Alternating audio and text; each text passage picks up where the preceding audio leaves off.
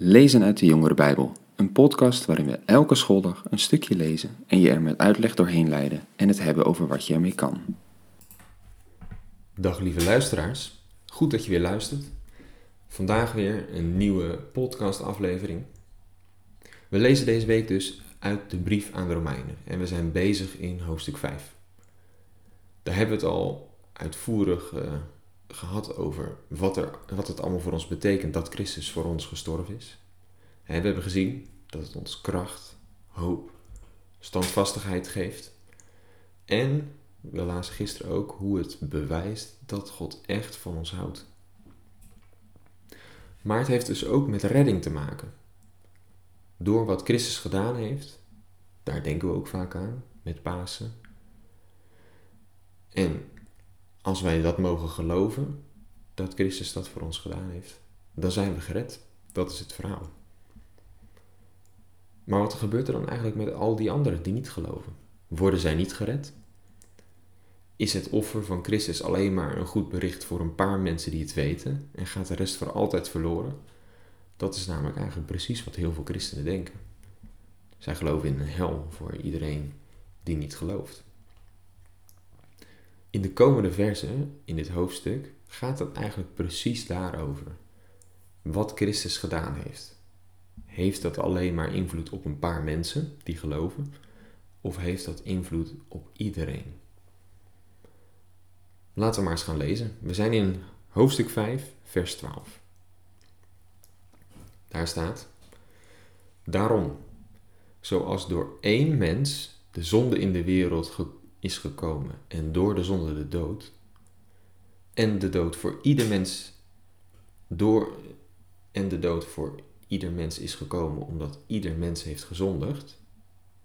Nou, dan wordt deze, dit vers niet afgemaakt. Paulus gaat verder. Inderdaad, de zonde was al in de wereld voordat de wet er was. Vanaf de eerste mens eigenlijk.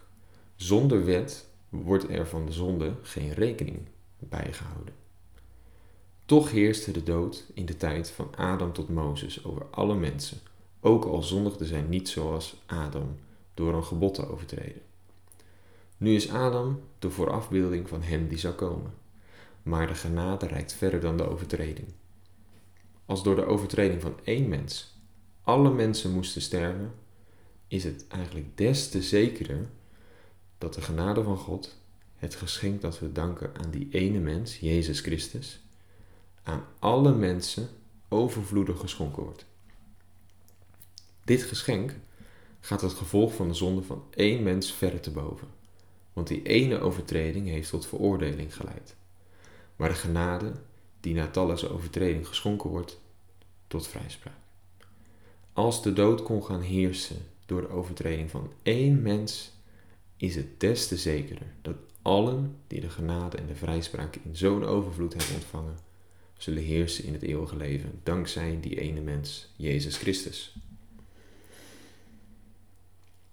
Paulus is in dit stukje bezig met een vergelijking tussen twee mensen.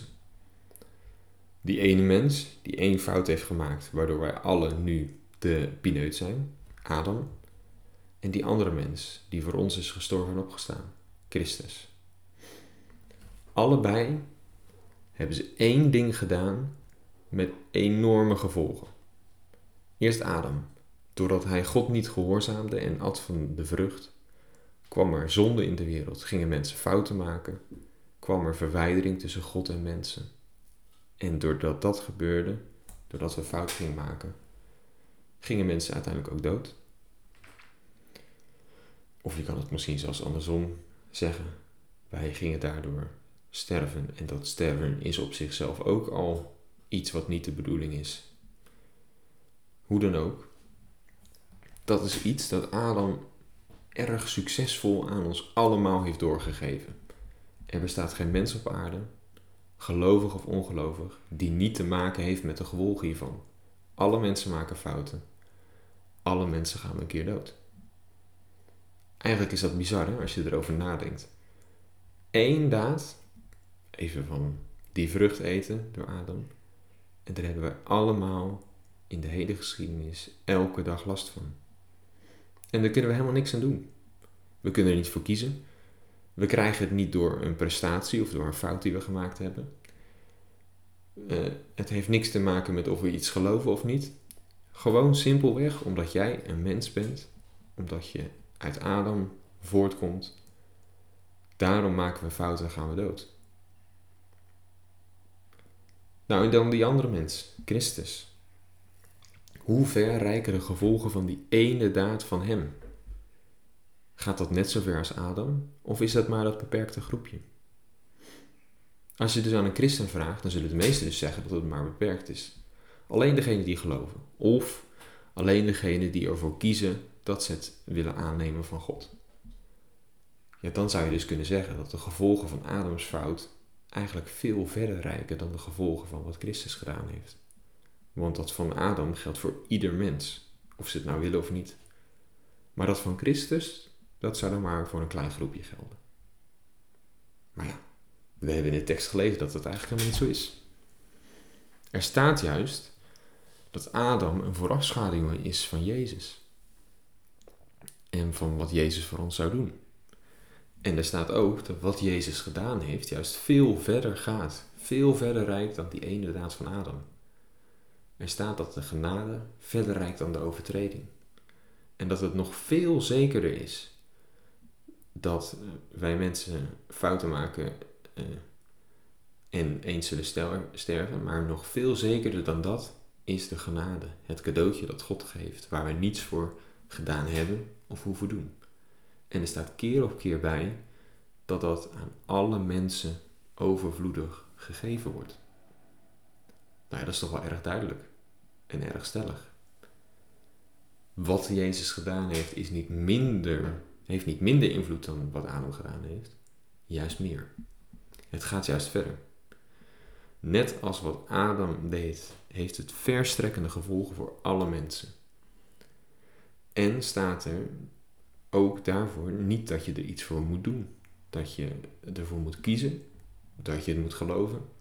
Er staat eigenlijk helemaal niks over in het vers. Er staat alleen maar dat het net zoals bij Adam is. Je krijgt het gewoon omdat je een mens bent en omdat Jezus dat voor jou gedaan heeft. Of je het nou wil of niet. Een bijzondere tekst dus, die laat zien dat mensen eigenlijk heel snel te klein denken over wat Jezus gedaan heeft en wat het betekent. Ze beperken het graag tot zichzelf of een klein groepje.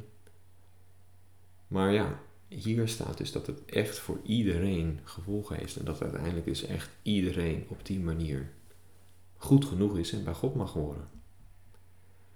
Nou, en dan zou je natuurlijk kunnen afvragen, maar ja, wij geloven toch, dus wij hebben toch een streepje voor. Hoe zit dat dan? Maakt het dan niet uit dat we geloven? Daar gaan we morgen nog eens over nadenken. Dus, tot morgen.